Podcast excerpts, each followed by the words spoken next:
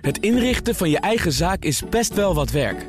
Daarom biedt IKEA voor Business Netwerk 50% korting op interieuradvies. Word gratis lid en laat je werkplek voor je werken. IKEA, een wereld aan ideeën.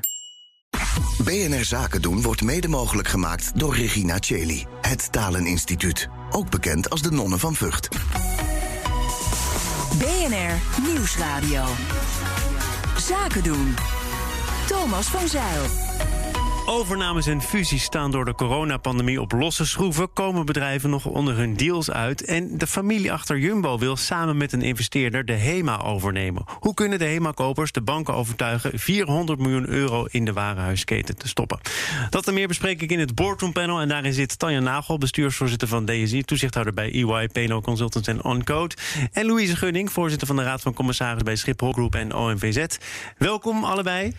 Dankjewel. Fijn om hier weer een keer te zijn. Goedemiddag. Nou, Tanja, ook fijn om jou weer een keer te zien. En Louise, goed om jou weer een keer te spreken. Ehm, ik wil het met jullie hebben over de coronapandemie en de gevolgen die dat heeft voor fusies en voor overnames. Onder andere omdat investeerder Triton van ACM via een fusie met Sunweb eindelijk Corendon mag overnemen.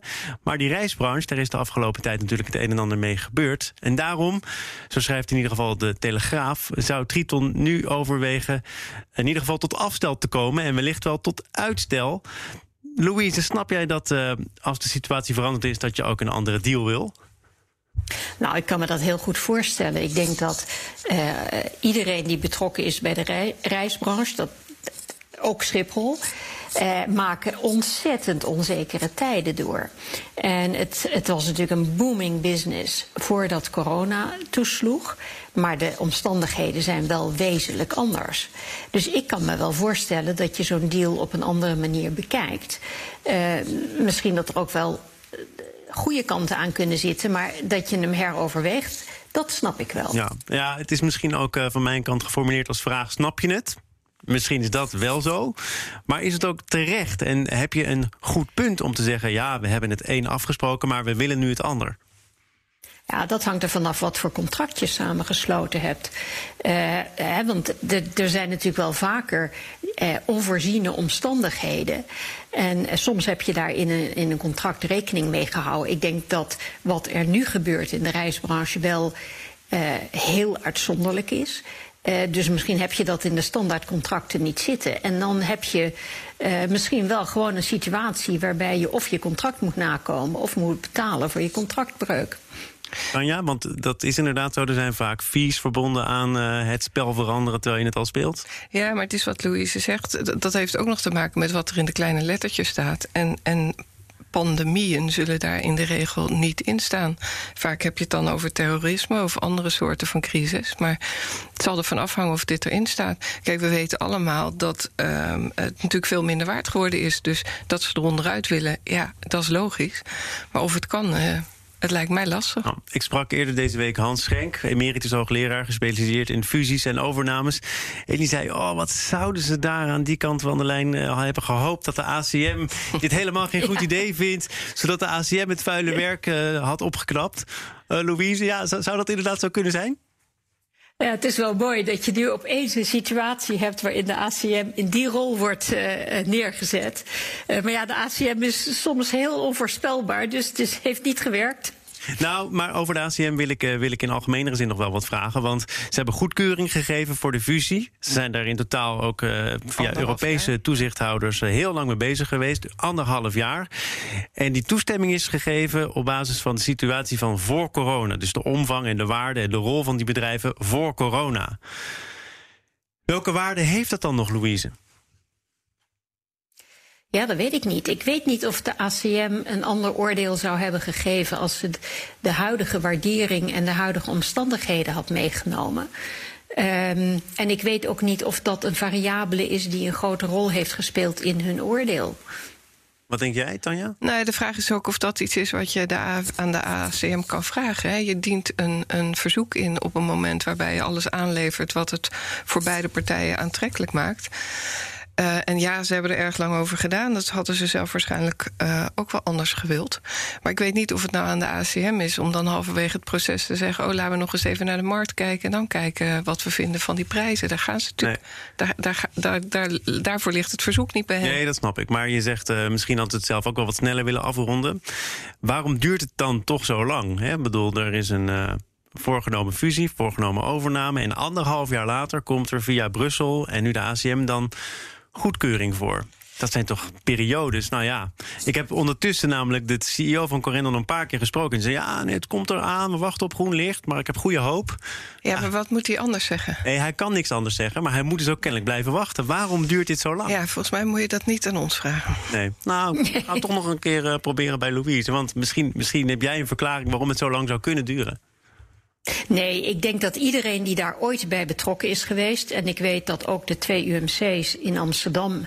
Uh, in de aanloop naar hun uh, samengaan. daar ontzettend veel tijd overheen hebben moeten laten gaan. Ik denk dat het ontzettend frustrerend is. Want het komt ook over het algemeen de dynamiek van zo'n fusieproces niet ten goede als je zo lang moet wachten. Maar kennelijk zitten er zoveel haken en ogen aan dat de ACM dat niet eerder kan doen. Nee. En wat voor gesprekken Tanja, verwacht jij nu tussen Triton, uh, Corendon en Sunweb om er toch nog uit te komen? Uh, denk je, dat las ik in het FD, dat er, dat er al gesprekken worden gevoerd om dan maar toch uh, een beetje in, uh, in redelijk overleg tot een lagere prijs te komen? Nou ja, die prijs is denk ik het meest bepalende hierin. Um, en nogmaals, ja, dat hangt natuurlijk ook een beetje van de ruimte af in het contract die er is om het daarover te hebben. En hoe graag uh, men toch wil dat deze fusie tot stand komt. Want de vraag is natuurlijk ook: um, hoe gaat het verder met Corendon als het niet gefuseerd uh, zou worden met Sunweb? Dat soort dingen moet je natuurlijk ook allemaal in de ogenschouw nemen. Je bedoelt dat de crisis er ook voor kan zorgen dat het wel zo handig is om één grote geheel te zijn, zodat je weerbaarder bent? Nou ja, we hoorden net op het nieuws uh, dat er een of andere bank komt uh, om vouchers te verstrekken als je kredietwaardig bent en een toekomst hebt. Ik weet niet of dat ook nog een rol kan spelen dan. Nee, nee dat zou zeker wel een rol kunnen gaan spelen. Uh, overigens, uh, we spreken hier nu over die voorgenomen fusie van Corendon en Sunweb. Maar uh, we hebben ook al de brillenoorlog gehad tussen EssilorLuxottica en Grand Vision. er speelde van alles rondom de bank NIBC en de vraagprijs die uh, de overnemende partij daarvoor wilde betalen. Uh, Blackstone uit mijn hoofd. Um, gaan we dit, Louise, nu veel vaker zien? Partijen die iets hebben afgesproken en die tot het inzicht komen dat de prijs nu toch echt naar beneden moet, anders komt er geen deal. Nou, je, je hebt in dat lijstje even weggelaten LVAM en Tiffany's, die uh, gisteravond kennelijk in staat zijn geweest het eens te worden over een lagere prijs. Hoewel die verlaging nou niet zo wereldschokkend was. Um, dus kennelijk uh, beweegt het wel. Dus dan denk ik dat die discussie ook gevoerd zal worden. Of die succesvol is, dat weet ik niet. Ja, ja dit, dit zijn die twee uh, luxe concerns, hè, Tiffany's ja, en uh, LVM. Ja. Ash, want ik hou ervan om het op zijn Frans uit te spreken. Ja. Maar zou het niet zo zijn dat er in de toekomst veel meer voorwaarden in het contract komen op basis waarvan je er dan toch weer onderuit kan? Als het met dit soort pandemieën zo blijft in de toekomst. Ja, ja, maar dan, dan zou de status van het risico, dus die pandemie, dat, dat noemen ze volgens mij nu een staartrisico. Dus dat komt eigenlijk nooit voor. Dus dat vergeet je dan in zo'n contract. En nu worden we met onze neus op de feiten gedrukt. Ja. Dus wordt het stelselmatig in alle contracten opgenomen. Dat, ja, ja. ja dat, ik denk dat datzelfde natuurlijk gebeurd is met terrorisme. Dat op een gegeven moment eh, die dreiging weer veel eh, meer op de voorgrond komt. Terecht of ten onrechte. En dat die dan meegenomen wordt in contracten. En dan zul je de discussie krijgen over uh, een volgende verrassing die wij met z'n allen nog niet bedacht hebben. Nee, en hoe ga je hier, uh, mocht het uh, toch nog tot een deal komen voor een andere prijs, hoe ga je hier nog een uh, mooi vervolg aan geven? Is hoe de fusie tot stand komt uiteindelijk ook bepalend voor het succes van die fusie, Tanja? Nou, hebben we het nu over Sunweb of, of maar, in zijn algemeen? In, in zijn algemeen, maar als je nou, het specifiek voor Sunweb Nee, maar dat, dat, dat, dat, hoeft helemaal niet het geval te zijn. Ik denk dat als je op een gegeven moment met elkaar overeenkomt... dat dit de basis is waarop je verder wil gaan... dan moet je ook achter je laten wat er achter je ligt. Ja. Dat betekent misschien, weet ik niet, dat, dat mensen die daar toch niet, geen vrede mee kunnen hebben, dan misschien iets anders moeten gaan doen. Maar dat hoeft helemaal niet te bepalen dat de fusie geen succes wordt. Nou, ik vraag het ook, uh, Louise, omdat jij al zei, alleen het wachten al op de goedkeuring van zo'n. Uh, autoriteit als de ACM. Dat kan iets doen met de dynamiek en de vraag of je dit nu wel heel graag wil of niet. Uh, wat denk jij van een lastige aanloop en het resultaat het effect op het Nou, resultaat? ik denk dat in dat opzicht eh, corona een hele grote gelijkmaker is. Dat is zo'n grote disruptor dat je ook voor zo'n fusietraject het gewoon van een heel ander perspectief aanvliegt. Als je nu eh, de, de deal door laat gaan en je neemt het ter hand. En eh, wat Tanja net zei, misschien dat je er ook wel een betere positionering hebt voor de eh, post-corona. Eh, situatie en dat je daaraan gaat werken. En dat kan ook voor medewerkers een enorm perspectief bieden. Dus hoewel de aanloop naar de fusie misschien langer geduurd heeft dan je gewild had, is het moment waarop dat geëffectueerd wordt misschien ook wel een moment waarin je eh, medewerkers weer een, een soort einddoel kunt geven waar ze deze moeilijke maanden mee doorkomen. Wij gaan eh, naar het nieuwe perspectief van een ander zeer bekend Nederlands merk. Zaken doen. En wij, dat is het Boardroom Panel. En daar zit Tanja Nagel, bestuursvoorzitter van DSI... en ook toezichthouder bij EY, PNO Consultants en Uncode. En Louise Gunning, voorzitter van de Raad van Commissarissen... bij Schiphol Group en ONVZ. En dat Nederlandse Hollands gemerk is HEMA. Want HEMA lijkt weer een nieuwe eigenaar te krijgen. Als alles lukt, dan komt de keten in handen van Parkcom en Mississippi Ventures. En daar zit dan weer de familie van Eert achter, bekend van de Jumbo. Eh Tanja, heb jij nog overwogen om via eh, de beurs die dat mogelijk maakt... zelf een aandeeltje HEMA te kopen? Nee, maar ik was wel onder de indruk van het feit dat er tegenwoordig ook een ookworst is naast een ja, rookworst. Ja, de vegetarische variant op de Hema-worst, de bekende Hema-worst. Ehm, nu lijkt het er toch weer anders uit te gaan zien voor Hema... met de bemoeienis van die familie van Eert, van Jumbo. Ehm, is dat een hoopvolle ontwikkeling? Nou, vind ik wel. Ja, ik denk wel als je, als je alle stukken leest dat het nog wel lastig wordt om uh, de banken erin mee te krijgen. Uh, maar als je ziet wat, uh, wat Jumbo uiteindelijk ook met de vestigingen van de HEMA samen kan gaan doen, dan denk ik dat daar strategisch ook een verhaal achter zit. Ja, kun je nog even kort uitleggen wat de rol van die banken moet zijn? Want ik, ik geloof dat HEMA zijn schuld anders wil financieren, voor een deel van zijn schuld af wil komen en daarom nu geld gaat proberen op te halen, gaat lenen bij banken. Uh, ja, en uh, er, gaat ook een stuk extra geld in vanuit die twee nieuwe aandeelhouders, zoals we het nu allemaal voor ogen hebben. Maar ze hebben nog steeds iets van 400 miljoen nodig. Um, en uh, ja, weet je, de rente is natuurlijk laag. Dus in principe hoeft um, de rente niet zo'n groot bedrag te zijn. Maar de continuïteit van het bedrijf is dan natuurlijk wel heel erg belangrijk voor banken om zeker te weten dat niet alleen de rente, maar ook de lening wordt afgelost. Ja, en daar hebben ze zoals ik het uit de krant lees, uh, kennelijk nog wel wat overtuiging voor nodig om banken daarin mee te krijgen. Nou, of een garantiestelling van de overheid. Ja. Oh, ik zie enige bedenking. Nou ja, dat, dat is in het voorjaar geprobeerd. Toen zag de situatie er wel anders uit. Hè. Toen was het meer geld en was er denk ik wat minder duidelijk dat die strategie in combinatie met Jumbo er misschien achter zou zitten. Ik, denk dat de overheid zich ook zal uh, buigen over het feit om hoeveel uh, werknemersplaatsen het dan gaat. En uh, um, ja, ik kan dat niet zo goed inschatten. Ja. Nou zijn jullie hier niet om de sales van de HEMA te doen of een PR-stunt te bedenken. Maar is het inderdaad zo lastig om banken hiervan te overtuigen? Of Louise, kun je een prima verhaal houden waarom het uh, voor banken en uh, daar waar nodig, zelfs ook voor de overheid van belang is dat HEMA overeind blijft? Ik denk van wel. Ik ben een enorme fan van de HEMA. Uh, ik heb dat altijd een heel bijzonder Nederlands bedrijf gevonden, omdat het in staat was mooie dingen voor een goedkope prijs heel breed toegankelijk te maken. Je merkt dat dat designaspect de laatste jaren wat weggezakt is. Daarmee is denk ik de HEMA in kwaliteit ook wat weggezakt. Uh, je zult dat weer voorop moeten zetten, wil je banken en overheid overtuigen dat je weer in staat bent op het niveau te komen waar de HEMA ooit was.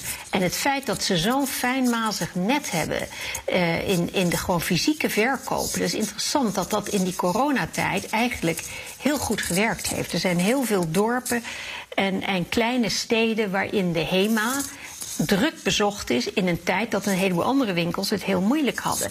Dus ik zou ze willen uitdagen om een heel mooi strategisch verhaal uh, op te zetten. En dan uh, kan ik me heel goed voorstellen dat uh, ik als bank of als overheid me zou laten overtuigen. Ja, de, CFO van Jumbo, die adviseur is in het hele traject, Tom van Veen, die geeft in het FD al een schot voor de boeg. Hij zegt: Hema is een oer-Hollands merk, zorgt voor veel werkgelegenheid, is bepalend in het straatbeeld in veel Nederlandse dorpen en steden. Louise, Val je daarvoor of is er meer nodig? Nou, ik vind die designkant vind ik wel een van de dingen die natuurlijk maakte dat de HEMA voor een heel groot deel van de bevolking interessant was. En als je dat niet terug weet te brengen, dan ben je een van de vele wat algemenere, goedkope winkels. Uh, dus uh, hij moet toch ergens dat stukje creativiteit in het verhaal opnemen. Nou ja, misschien is het ook goed om even nog te kijken wat de CEO van uh, HEMA heeft gezegd. Die, de strategie zou zich moeten richten op Nederland, België, Frankrijk. Nou, dat dus geen verre avonturen meer. Dat past wel een beetje bij wat Louise zegt. Investeren in logistiek, inzet op kleine filialen en investeren in de webwinkel. Nou, dat zou dan toch voor de toekomst wel iets meer moeten kunnen brengen. Ja, ik dacht toen ik het las, want ik heb het ook opgeschreven. Hij gaat weer overal in investeren. De bomen groeien weer tot in de hemel. Is dat niet een uh, enorm groot verschil met uh, de handrem, waar hij het volgens mij zelf over had, en hoe hij dat dan nu weer loslaat? Gaat het nu niet heel erg uh, hard vooruit als je zegt we gaan investeren in en de winkels en kleine filialen en de logistiek en de distributie en de webshop? Ja, ik heb die inzet op kleine filialen gelezen als de samenwerking met Jumbo. Ik weet niet zozeer of dat een investering van de HEMA zelf zou moeten zijn. Ja, dat zou nog een verschil kunnen zijn. Ja, ja, ja precies. En dus... Volgens mij zijn al die elementen samen nodig. Want je kunt daar niet één uitpikken. Want die kleine filialen en de, de, de, de, de het fijnmazige net van winkels uh, dat heb je nu gekoppeld aan een webwinkel en dat heb je gekoppeld aan de logistiek. Dus ik denk dat de beperking geografisch een belangrijke is. Maar ik denk dat je echt ook weer opnieuw moet gaan kijken naar wat de uh, unique selling point van HEMA was. Want anders dan ben je een van de velen. Met alleen een Jip en Janneke broodtrommel red je het niet begrijp ik.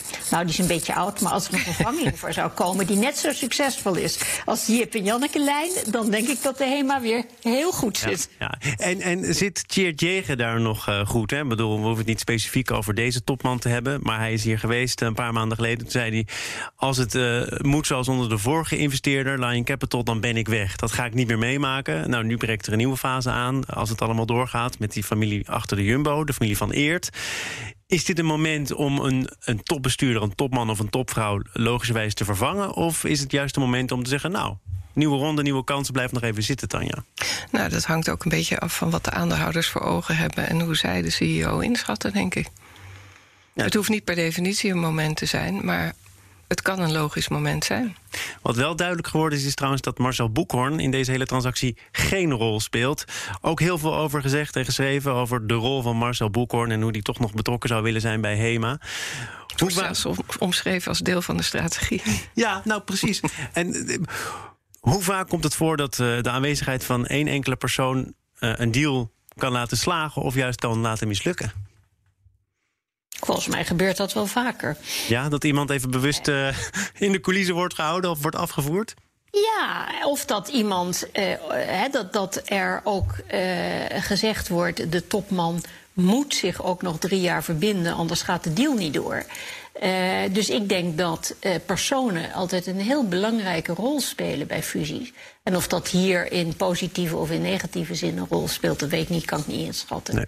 Maar ik denk wel dat dat een van de elementen is. En deze aandeelhouder was natuurlijk een van de weinigen die zelf ook heel graag elke keer op de voorpagina van het FD stond. Ja, en het lukte hem best wel vaak. Ja. ja. Wij gaan, uh, voordat je het weet, uh, hebben we het helemaal niet over corona gehad. Toch nog even naar corona-nieuws.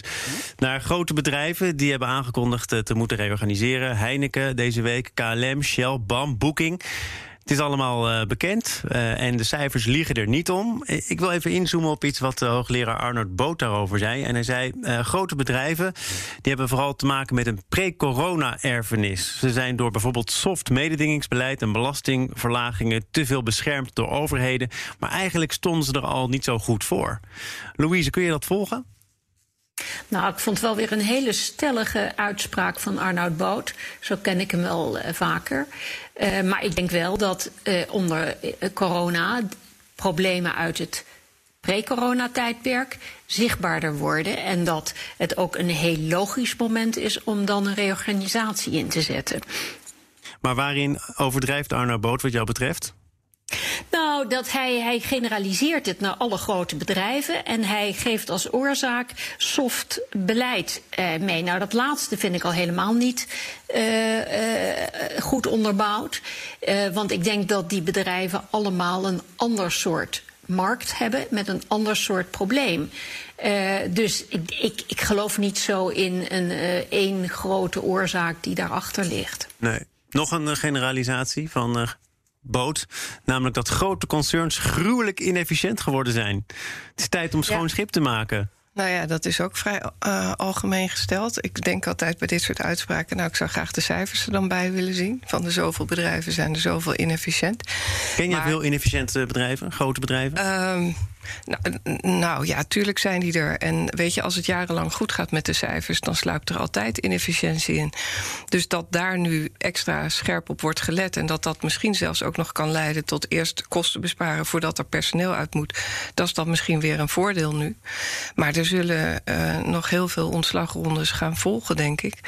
En eh, het zou goed zijn als, als bedrijven zich ook realiseren dat het goed is om nu dan te investeren in. in je komt nu niet meer weg met een, een vergoeding bij iedereen die eh, gedwongen ontslagen wordt. Het zou goed zijn om te kijken hoe je mensen toch nog op kan leiden om te zorgen dat ze beter misschien elders terecht kunnen. Sommige eh, werknemers die kunnen nog terecht op kantoor. Er stond een eh, groot stuk in het eh, FD afgelopen week over werkgevers die hun medewerkers toch nog naar kantoor laten komen omdat ze anders ongelukkig zouden worden. Ehm, is dat eh, begrijpelijk of aanvaardbaar wat jou betreft, eh, Louise? Want een van die werkgevers zei: ja, ik realiseer me dat ik me echt niet altijd hou aan de geldende regels. Ik las dat en ik snapte. Je ziet het bij heel veel mensen dat het op het ogenblik veel zwaarder is om thuis te werken dan in het voorjaar. Maar dit is een typisch voorbeeld van de tragedy of the commons. Eh, als één bedrijfje het doet, kan het geen kwaad. Maar uiteindelijk, eh, als te veel bedrijven het doen, heb je een piek die je niet onder controle krijgt. En ik vind het toch altijd heel ingewikkeld als een paar mensen denken dat zij niet mee hoeven te doen. En dat de rest daarmee veel langer in de huidige eh, ingewikkelde situatie blijft steken. Dus ik vind het eh, eigenlijk een beetje egoïstisch. Tanja, jij doet zeker mee aan dit panel. Wat vind jij ervan? Weet je, bij mij komt de hele dag al het woord perspectief voorbij. Ik weet niet hoe, hoe dat nou komt, maar vanmorgen zei iemand... weet je, zolang mensen niet weten hoe lang dit duurt... is het zo lastig om je er vol overgave aan te houden. En als je te maken hebt met een bedrijf met voornamelijk jonge mensen... die allemaal drie hoog achter eh, in eh, vier vierkante meter moeten zien te overleven en te werken... Dan, dan is het misschien niet goed, maar kan ik me er wel wat bij voorstellen. Het zou, het zou natuurlijk veel prettiger zijn als we allemaal zouden weten... nou, zo lang duurt het en daarna mogen we weer ombeurten naar kantoor. Maar uh, Louise zegt ja, het is niet aan die enkeling om te bepalen dat zij dat lekker wel doen en dat de rest Nee, aan de daar ben ik het ook mee eens. Maar ik, ik, het is een beetje wat Louise Ja, aan het ik- begin zei. Ik begrijp het wel. Ja. Ik begrijp het ook. eh, en ik denk dat dit zijn nou hele moeilijke situaties waarin je ook een vorm van leiderschap nodig hebt. Omdat je hier alleen maar uitkomt als je het met elkaar voor elkaar krijgt om dat virus in te dammen. Ehm, en ik, ik zie om me heen hoe moeilijk het is om dat gemeenschappelijk perspectief, ik, ik vind het woord inderdaad een heel bepalend woord, eh, te kunnen bieden aan mensen om het vol te houden. En je ziet dus dat sommige eh, topmannen of vrouwen in een bedrijf in staat zijn mensen te motiveren en mee te nemen.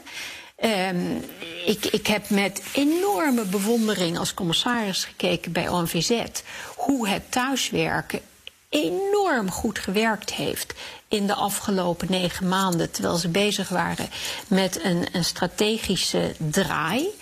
Eh, medewerkersbetrokkenheid gaat enorm omhoog. Maar dat is niet elke topman gegeven om dat eh, eh, perspectief aan zijn mensen te bieden.